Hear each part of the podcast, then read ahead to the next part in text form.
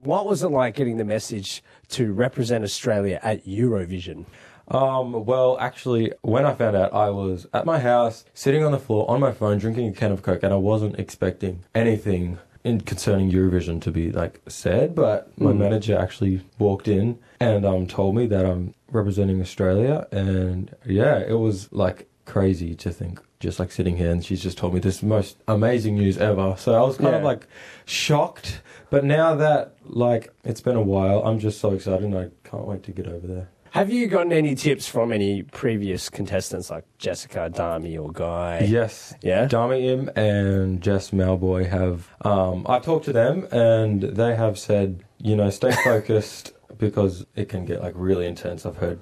Yeah. And you know, get enough rest, look after yourself, do your best at in every in everything over there, like interviews and especially the performances. And um, don't worry too much about where you're going to place. Just enjoy the moment of being in front of millions and millions of people. And I'm I'm really looking forward to that because as a singer, it's just amazing to like share my gift with that many people at that Yeah. one time. So I'm going to really enjoy it. You're about to perform in front of millions of people. Do you get nervous? And if you do, how do you get over those nerves? Well, right now I'm more just like so excited to get over there. I've been anticipating it for so long. And I think before I walk on stage, there's definitely going to be like butterflies, but I think I'm just going to go out there because when I'm on stage, it's like, it's home for me. It's, it's what I love doing. So I'm just going to be like right into the song and just singing my heart out. Can you tell us a bit about the song?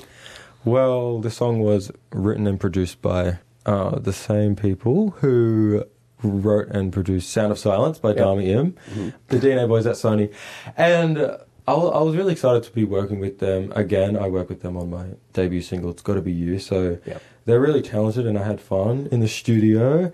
And the song to me represents never giving up. I know, like, if you hear it for the first time, it sounds like a love song, which is okay, but to me, it represents um, never giving up. Like, in this industry, you have to work really hard and nothing comes easy and nothing comes cheap. So, Mm. yeah. Well, speaking of talent, I've heard that you've got like 11 brothers and sisters. Are they all equally as talented? um, well, they're really musical and they love music, and I'm sure my sisters can sing, but I think they're like too shy. But a lot of my cousins can sing. My dad is a musician, he's a guitarist, and my brother plays the drums, and we were actually kind of like a little family band growing up. oh, wow. And um, yeah, a lot of my aunties and uncles, they can all sing. So it's kind of like in the family, but Yeah. I'm kind of the only one that's kind of like made the most out of Going to Eurovision and winning X Factor.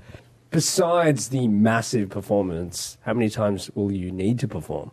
I am aware that there's like a lot of rehearsals prior to the semi final and also prior to the grand final, like dress rehearsals, Yeah. camera blocking, and going through like your choreography and all of that. So, yeah.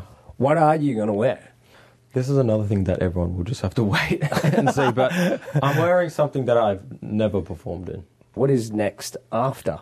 Oh, well, after Eurovision, I'm actually staying in Europe for a few more weeks and I'm doing like a promo tour around a few of the countries, which is really exciting. Yeah. And then when I come back, hopefully I can start working on some new music and, you know, start writing and getting in the studio and doing more performances. And yeah. Yeah. Oh, very good. Uh, so singing has always been your passion. Did you want to get into acting or uh, any other hobbies? Uh, well, singing has always been the one thing I've been good at. I did actually play AFL growing up. Yeah. Um, but when I started traveling to Melbourne to do like singing lessons, which were on the weekend, I had to give up football because you know football games are on the weekend. yeah. And um, I've actually I've been in one musical before, and that kind of incorporated obviously some acting. So yeah, but some of my hobbies include I love swimming. I love like adventurous things, hiking and walking and bike riding. I love surfing as well, and I love video games and computer games. Now, finally, do you have a message for the Aussie fans that will support you at Eurovision? Yes, I just want to say a massive thank you for all all the support and, and all the love, and um, I'll be thinking of all you guys bef- when I'm singing on stage, and yeah, let's let's go for the win together. All right. Isaiah, thanks so much for joining us. Thanks for having me.